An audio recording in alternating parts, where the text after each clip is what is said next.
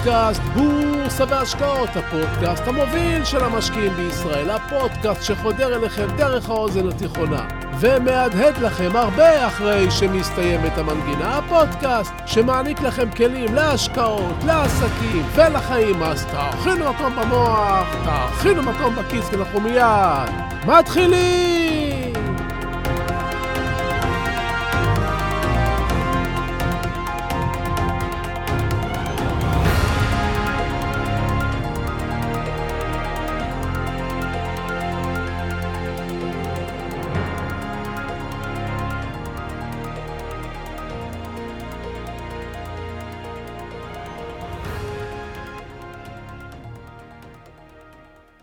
אחת השאלות החוזרות ונשנות בחיים בכלל ובהשקעות בפרט היא השאלה מה יהיה. התשובה לשאלה הזו שווה הרבה מאוד כסף והרבה מאוד שקט. כשאנחנו יודעים מה יהיה, אנחנו שקטים יותר, כי חוסר הוודאות היא דבר נורא. כשאנחנו יודעים מה יהיה, אנחנו יכולים לקנות בזמן, למכור בזמן, להיערך בזמן ולהבין מה לעשות.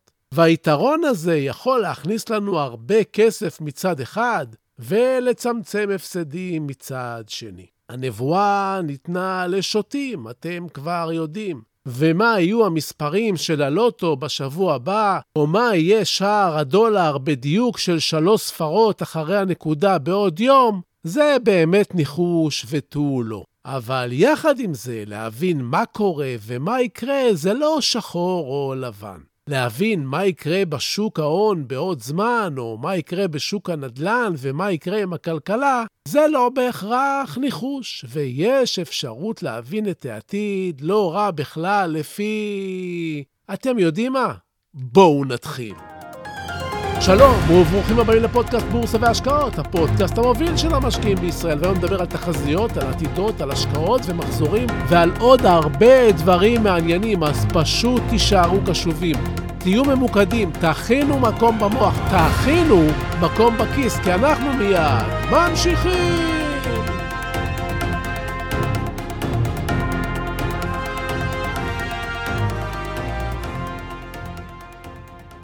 העולם שלנו מלא במחזורים.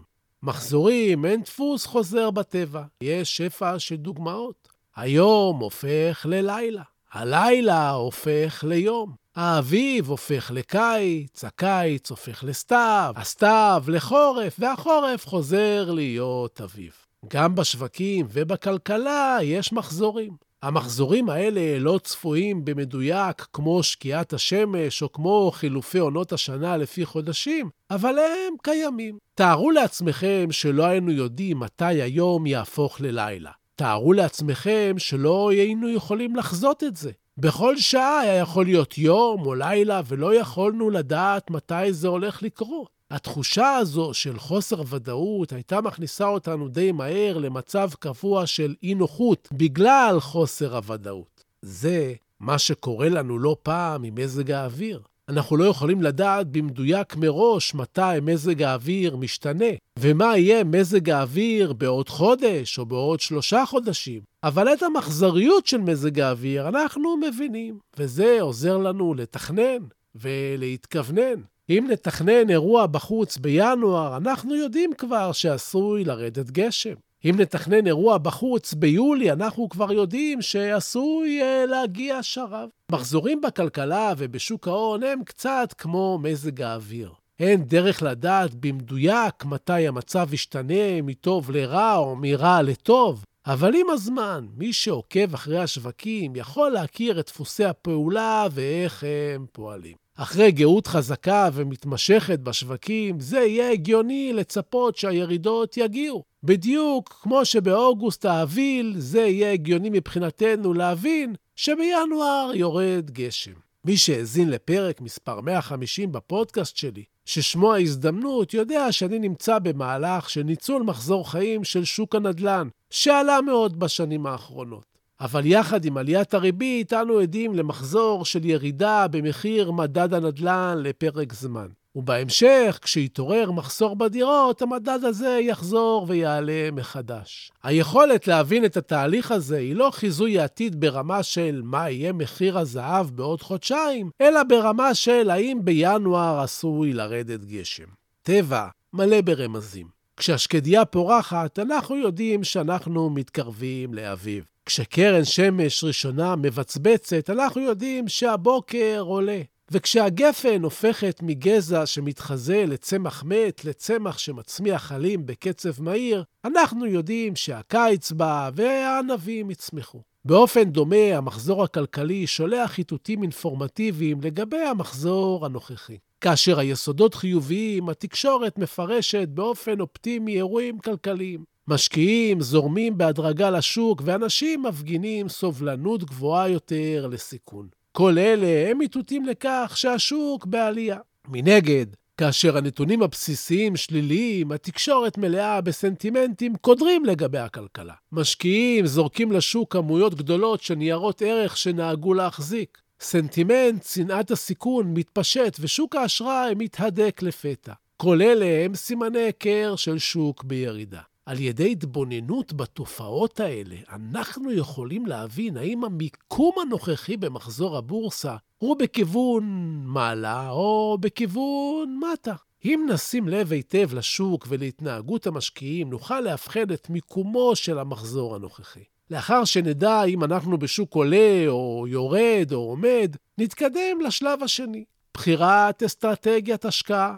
בהתאם למצב הנוכחי במחזור החיים של הבורסה. משקיעים ממוצעים נוטים לקנות כאשר הם רואים את השוק עולה כלפי מעלה, ונוטים למכור מתוך פחד כאשר הם רואים את השוק יורד. אבל אסטרטגיית השקעות חכמה היא הפוכה קצת מהגישה הזאת. כאשר כולם שבויים בפחד ובהשלכה של מניות, זה עשוי להיות זמן טוב לקנות אותן. מה שמנחה את המשקיעים הרגילים היא הפסיכולוגיה ששולחת אותם למכור ולקנות בדיוק כשצריך להיות הפוך. דמיינו שיש דגם של נעלי נייקי לחורף שאתם קונים בכל שנה. לא מעניינת אתכם אופנה, אלא הדגם הספציפי שאתם אוהבים, והוא נוח לכם. הדגם הזה עולה בתחילת החורף 1,000 שקלים. ובסוף העונה 600 שקלים. צרכנים נבונים יקנו בסוף העונה. צרכני מומנטום ירכשו בתחילת העונה.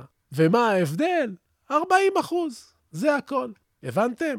אז נמשיך. המחזור הכלכלי מייצג את המגמה הכוללת של כלכלת המדינה. המחזור הכלכלי של מדינה משפיע על מדיניות הממשלה ועל מחזור הרווח של החברות. כלכלת המדינה יכולה להתחמם או להתקרר. כשההייטק בישראל חזק ויש ביקוש לעובדים, המחזור הכלכלי יראה לנו עלייה בשכר, עלייה בשכר העבודה, עלייה במכירות של נדל"ן יקר, עלייה בביקורים במסעדות, עלייה בהיקף הרכישות בכרטיסי אשראי ובקניונים, וזה משליך על העסקים ועל הרווחים שלהם. כאשר האינפלציה עולה ועולה, הממשלה תגיב כראוי כדי לקרר אותה בהעלאת ריבית. לעומת זאת, כשהכלכלה חלשה, הממשלה תנסה להמריץ את הכלכלה על ידי הורדת ריבית. מחזור הרווח של החברות בבורסה מושפע מהמחזור הכלכלי של המדינה ומההתערבות הממשלתית. משקיעים מתנהגים לעיתים קרובות כאילו הם נמצאים במצב דמוי מטוטלת. כאשר המצב הכלכלי חיובי, הלך הרוח של המשקיעים ינוע בהדרגה לכיוון תאוות הבצע, סובלנות גבוהה יותר, לסיכון ולקניית מניות. כאשר המצב הכלכלי מידרדר, הפסיכולוגיה של המשקיעים תניע אותם בדיוק לצד השני. מתאוות בצע וסובלנות לפחד ושנאת סיכון, מה שיתורגם למכירת מניות. משקיע ששולט בפסיכולוגיה של ההשקעות, מבין את תנועת המטוטלת ויכול להפיק ממנה את המירב, בדיוק כמו שחקלאי יודע מתי לזרוע כל סוג של גידול בהתאם לעונות השנה. בדיוק כמו לקנות נעליים לחורף בקיץ. בנוסף למחזירים הבסיסיים ולפסיכולוגיה של המשקיעים, ישנם מחזורי שוק נוספים שיש לקחת בחשבון. מחזור האשראי, למשל, משפיע הרבה יותר ממחזורים אחרים. כשהכסף זול, חברות רבות יפרחו ויעלו. כאשר חלון האשראי נסגר, חברות כאלה כבר לא יכולות להמשיך לממן את החובות שמועד פירעונם קרוב, ובסופו של דבר חלקן נאלצות להכריז על פשיטת רגל או על מכירה. סגירת חלון האשראי הוא כמו הופעת החצב בשולי הדרכים שמבשר לנו שהחורף מתקרב. ועוד נקודה שאני רוצה שתשימו לב אליה. שוק ההון תמיד נוטה לחזור לממוצע. כאשר הוא עולה או יורד לרמה קיצונית, הוא תמיד ישנה מסלול ויחזור לכיוון הממוצע. מגמה זו של תנועה לעבר הממוצע היא המאפיין הראשון של המחזור, אבל כשהוא מגיע לממוצע הוא לא יישאר שם, אלא ימשיך לנוע בכיוון אחד. עד שיגיע לנקודה הקיצונית הבאה, לפני ששוב ישנה כיוון. שוק ההון נע מהר, הוא תמיד נע מהר מהמחזור הכלכלי. כלומר, כשהכלכלה בשיא המטוטלת כבר תתחיל לעשות את דרכה שוב למרכז. השוק תמיד מקדים תהליכים. ולמה הבורסה מעבר לים עלתה השנה בעשרות אחוזים, אתם שואלים? כי המחזור הכלכלי הראה שהמצב עומד להיות כל כך רע, ואפשר להתחיל לחזור לממוצע. זה בדיוק הסיבה שהשוק שירד משנת 2021 אחרי שנתיים של עליות, המטוטלת מקדימה את השוק. כלומר, בסוף היום יופיע הלילה, ובסוף הלילה יופיע היום. ובניגוד ליום וללילה בטבע, שאנחנו יודעים בדיוק מתי הם יגיעו, בכל יום בשוק ההון אנחנו רק יודעים שהעליות או הירידות יגיעו, אבל לא יודעים בדיוק מתי. ברגע שאנחנו מבינים את זה ומתחילים לאסוף לעצמנו סימנים לאורך חיינו כמשקיעים, אנחנו מצליחים לזהות את תנועת השוק. מי שלא מבין את זה יחשוב שאתם קוסמים. כל מה שצריך זה פשוט פשוט לדעת לחשוב. ועכשיו, לפני שאני נפרד מכם ומשאיר לכם הרבה חומר למחשבה, שיסייע לכם לתכנן את הפעולות העתידיות והמחזוריות שלכם, ניגש לפינת הטיפים שלנו.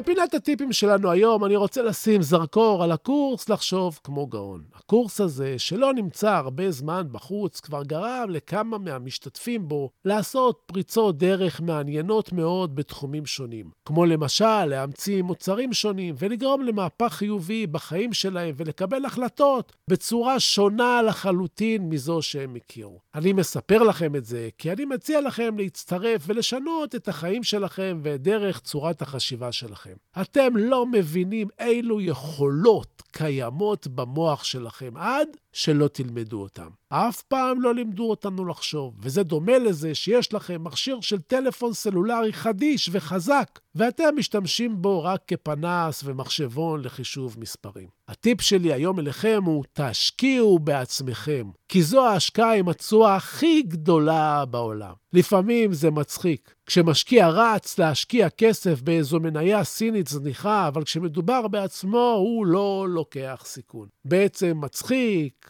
מעציב, תחשבו על זה. אז, אז זהו לנו להיום, ובסיום אני שב ומציין, כן, מה שאני אומר, המלצה מקצועית, ייעוץ מקצועית, אלה תמיד כדאי לקבל מיועץ מוסמך עם רישיון. לי אין, אני רק משתף אתכם במה שאני חושב. המניות שאני לפעמים מדבר עליהן כאן, אתם צריכים לדעת שאני לפעמים קונה מהן ולפעמים מוכר מהן, ואני אף פעם לא מנסה לכוון אתכם לבצע פעולה כלשהי, אלא רק לגרום לכם לחשוב, לחשוב, לחשוב, ותודה. תודה על התגובות החמות, תודה על השיתופים, תמשיכו, תפיצו, אנחנו גדלים ביחד. תודה להילה ברגמן, שעורכת, מאירה ומפיקה את הפודקאסט הזה. שימו לב שבאמצע השבוע עולה פרק של קצרים במוח. תירשמו לקבלת התראות כדי שלא תפספסו. אני מבקש, סמנו שאהבתם. תשלחו את הפודקאסט לעוד כמה חברים. כן, אני רוצה עוד מאזינים לפודקאסט. תעשו השתדלות, תפיצו. תודה רבה שהאזנתם. תהיו טובים.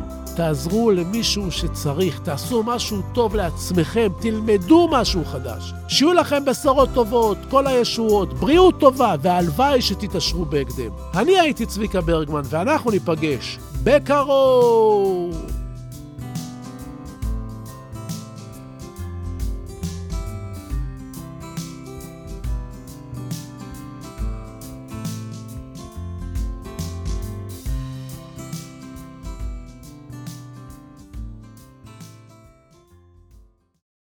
נאום ההכתרה של נלסון מנדלה. הפחד העמוק ביותר שלנו אינו מפני חוסר היכולת, הפחד העמוק ביותר שלנו היא הידיעה שעוצמתנו אינה ניתנת למדידה. האור ולא הצל, האפל שבנו, הוא שמעורר בנו חרדות.